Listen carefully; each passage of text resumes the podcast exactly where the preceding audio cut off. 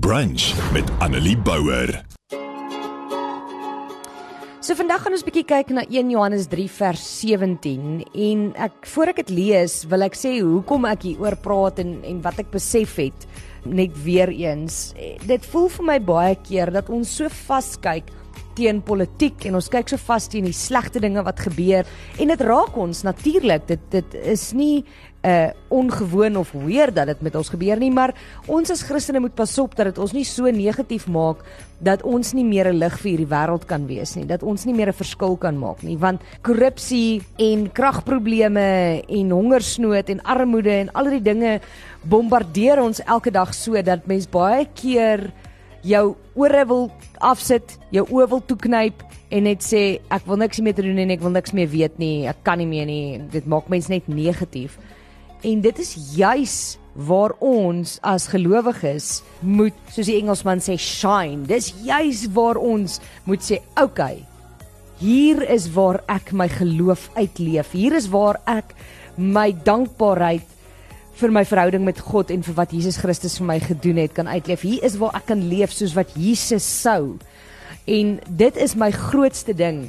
Gister het ons nou los dit beter gehad en ons het 'n bietjie gepraat oor hierdie maand se los dit beter en sanitêre produkte en ons wat skole wil behoeftige skole wil help en uh, jy weet ons het gevra as jy sou wou en jy kan is jy welkom om sanitêre produkte te kom skenk.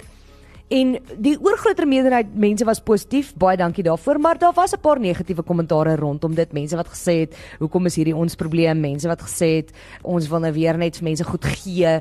En ek het gister ook 'n Facebook boodskap gesien op Groot FM wat sê dat hierdie is veronderstel om die staat se werk te wees. Dis nie veronderstel om ons verantwoordelikheid te wees nie.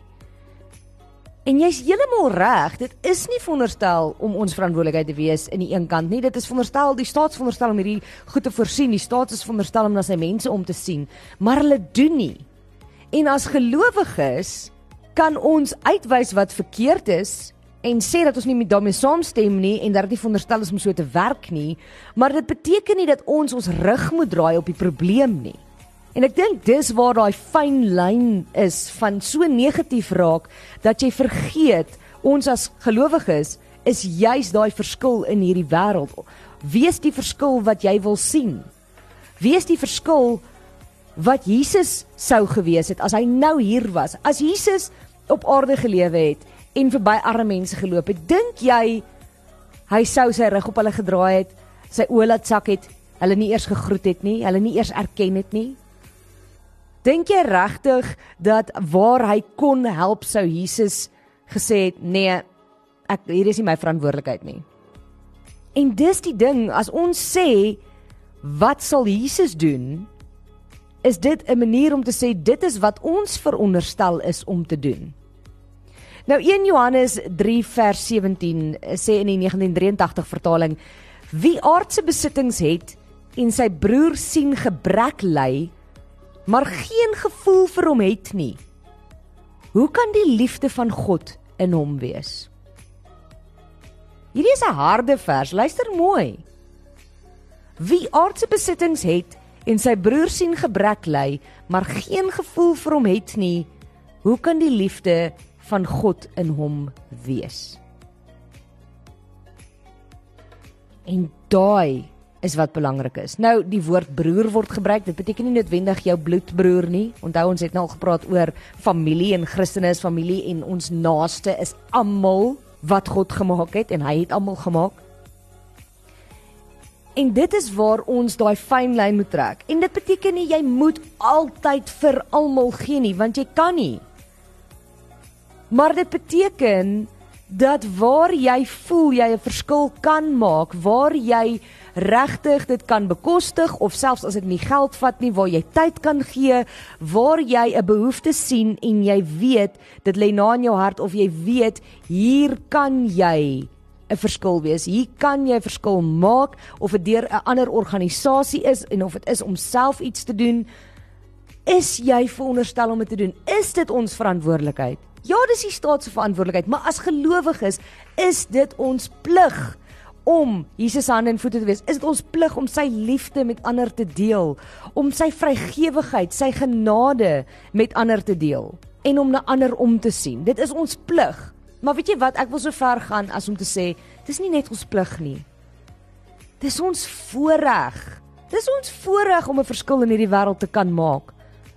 Want ek wat 'n sondaar is, ek wat 'n sondige mens is wat nie verdien om in 'n verhouding met God te staan nie, wat nie verdien dat hy aan die kruis vir my sondes gesterf het nie, wat definitief nie sy liefde en genade en seën werd is nie, het dit verniet gekry.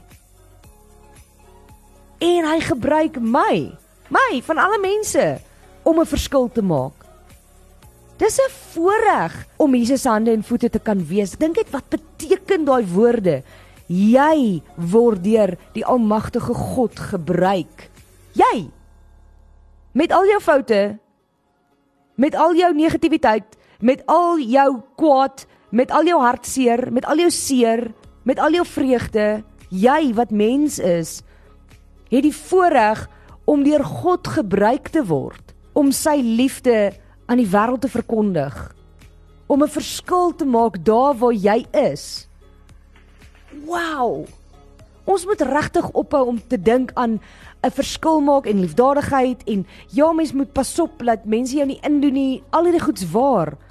Maar ons moet regtig ophou om dit as 'n las te sien. Ons moet regtig ophou om negatief daarna te kyk. Ons moet rarig ophou om dit net as ons plig te sien wat dit is, ja, maar as 'n voorreg om te sê die Here gebruik my om hierdie persoon beter te maak of om hierdie organisasie te help wat goeie werk doen of om hier vir iemand deur 'n moeilike tyd te dra. Of dit nou is om geld te gee of dit nou is om goed te gee of dit nou is om jou tyd te gee of dit nou is om jou skills te gebruik. Hoe wonderlik is dit nie dat die Here jou gebruik nie? En die negativiteit rondom 'n verskil maak en die negativiteit rondom alles wat verkeerd is, is besig om my onder te kry want ek besef net al hoe meer ons vergeet hoe belangrik ons is. Ons vergeet dat die almagtige God van hierdie heelal weet wie ons is, in 'n persoonlike verhouding met ons staan, alles vir ons gegee het wat ons het, ons seën en ons het die voorreg om sy hande en voete te wees. Ons het die voorreg om sy woord te verkondig. Ons het die voorreg om sy liefde uit te dra. Ons het die voorreg om sy genade en seën met ander te deel. So dis dit. Dis wat ek vandag wil sê. Ek hoop dat jy waar ook al jy kan 'n verskil sal maak.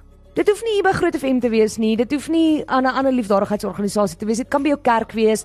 Dit kan in jou eie skool wees. Dit kan by jou eie besigheid wees. Dit dit kan by jou werk wees. Waar ook al en hoe ook al kyk met positiwiteit en besef met dankbaarheid wat 'n voorreg dit is om hierdie verskil te kan wees. Annelie Bouwer, weekoggend tussen 9 en 12 op Groot FM 90.5.